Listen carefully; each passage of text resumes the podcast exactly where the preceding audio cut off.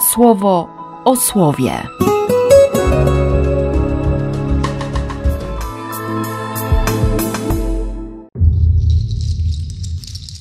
12 stycznia, środa. Z pierwszej księgi Samuela.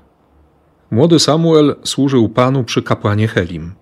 W owych dniach słowo Pana było czymś bardzo cennym, bo widzenia nieczęsto były udzielane. Pewnego dnia Heli spał w swoim zwykłym miejscu.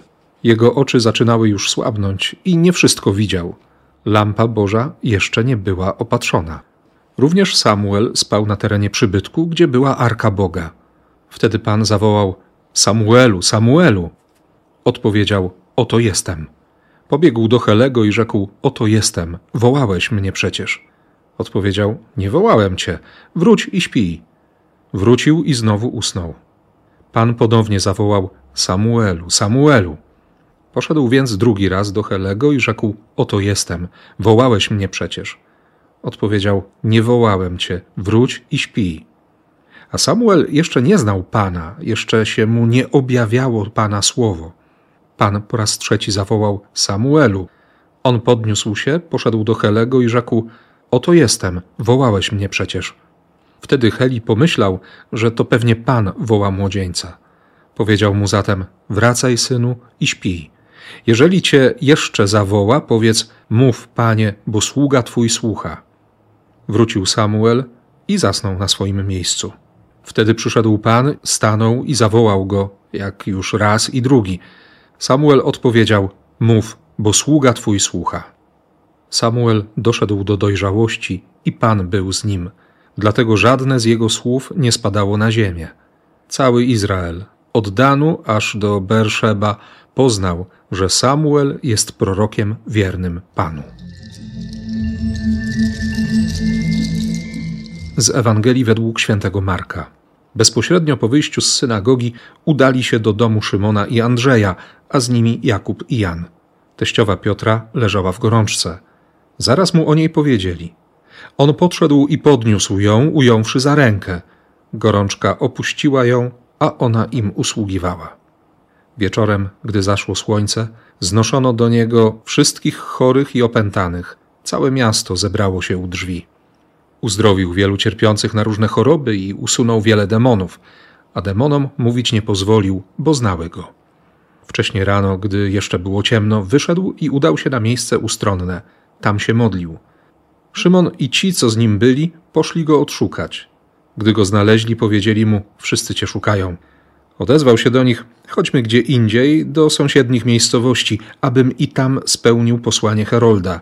Po to bowiem przyszedłem i szedł po całej Galilei, nawołując w ich synagogach i wyrzucając demony. Dużo, dużo się dzieje w tym trzecim rozdziale pierwszej księgi Samuela. Chwilę wcześniej można było przeczytać o tym, że synowie Helego byli synami występnymi, nie zważali na Pana i, i, i to wszystko, co, co oni robili. A Samuel pełnił służbę przed Panem jako młodzieniec przystrojony efodem z lnianego samodziału i tak dalej, i tak dalej, że Heli był stary, że, że zwracał uwagę swoim synom, ale, ale go kompletnie nie słuchali. A Samuel rósł, dojrzewał i cieszył się życzliwością i Pana, i ludzi. I to, co mnie zastanawia i zatrzymuje, ilekroć słyszę tę historię Samuela – Słowo Pana było czymś bardzo cennym, bo widzenia nieczęsto były udzielane. No i właśnie, Heli śpi w zwykłym miejscu, w swoim zwykłym miejscu, a Samuel również spał na terenie przybytku, gdzie była Arka Boga. Dla jednych miejsce snu to, to przybytek Pana, dla innych zwykłe miejsce. Mam sobie taki lęk, żeby mi nie spowszedniało stawanie przy ołtarzu. Modlitwa, kaplica, nie? ta przestrzeń, gdzie jest arka Pana, żeby mi wzrok nie osłabł, bo wtedy mogę usypiać innych. Samuelu, Samuelu, jestem, wołałeś mnie, nie wołałem cię, wróć i śpij, wróć i śpij, wróć i śpij. Chociaż nie, za trzecim razem już się Heli zorientował, że, że to Pan Więc gdyby cię jeszcze raz zawołał, powiedz: Mów, panie, bo sługa twój słucha. I pan przyszedł po raz czwarty i obudził Samuela i rozkazał mu powiedzieć rzeczy bardzo trudne Helemu. I co robi o poranku Samuel? Wstaje i otwiera wejście do domu pańskiego. Przewietrzył przybytek. Wpuścił trochę Bożego Ducha.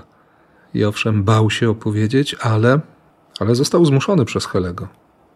No dobrze jest być kapłanem, który, który słucha nawet gorzkich słów, szczególnie wtedy, kiedy, kiedy błądzi, kiedy grzeszy, kiedy nie ma w sobie tego ognia, tego żaru.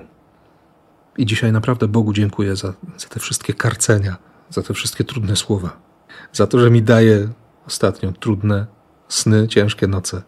I, i że mówi mi.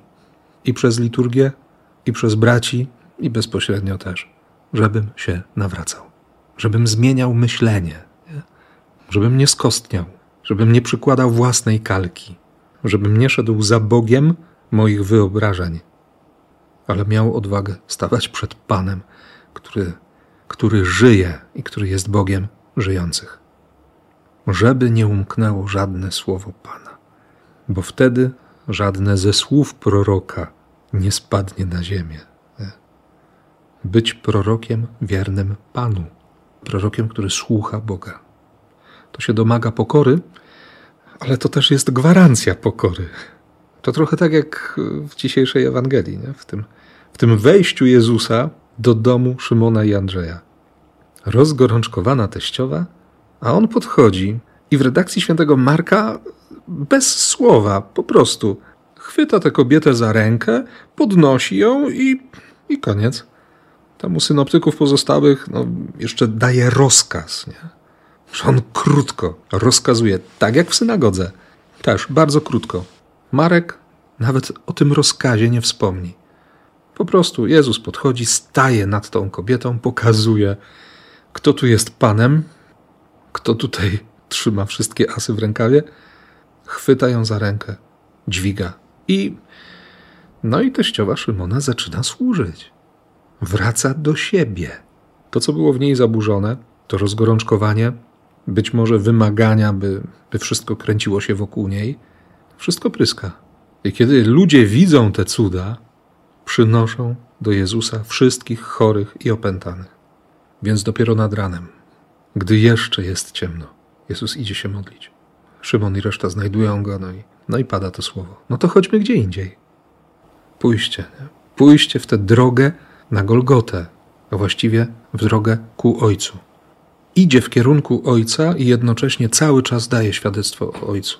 Nawołuje w synagogach do nawrócenia, wyrzuca demony i, i idzie. Po prostu idzie ciągle odkrywa, że, że dziś, właśnie dziś, to jest dzień na zbawienie. To jest najlepszy moment, by przyjmować łaskę. Więc, żeby nam nie brakło tej odwagi, by dać zgodę na świeży powiew Ducha Świętego i by nie stracić tego, co najważniejsze w ogólnym rozgorączkowaniu, no i nie bać się ruszyć z miejsca. To błogosławie w imię Ojca i Syna i Ducha Świętego. Amen. Słowo o słowie.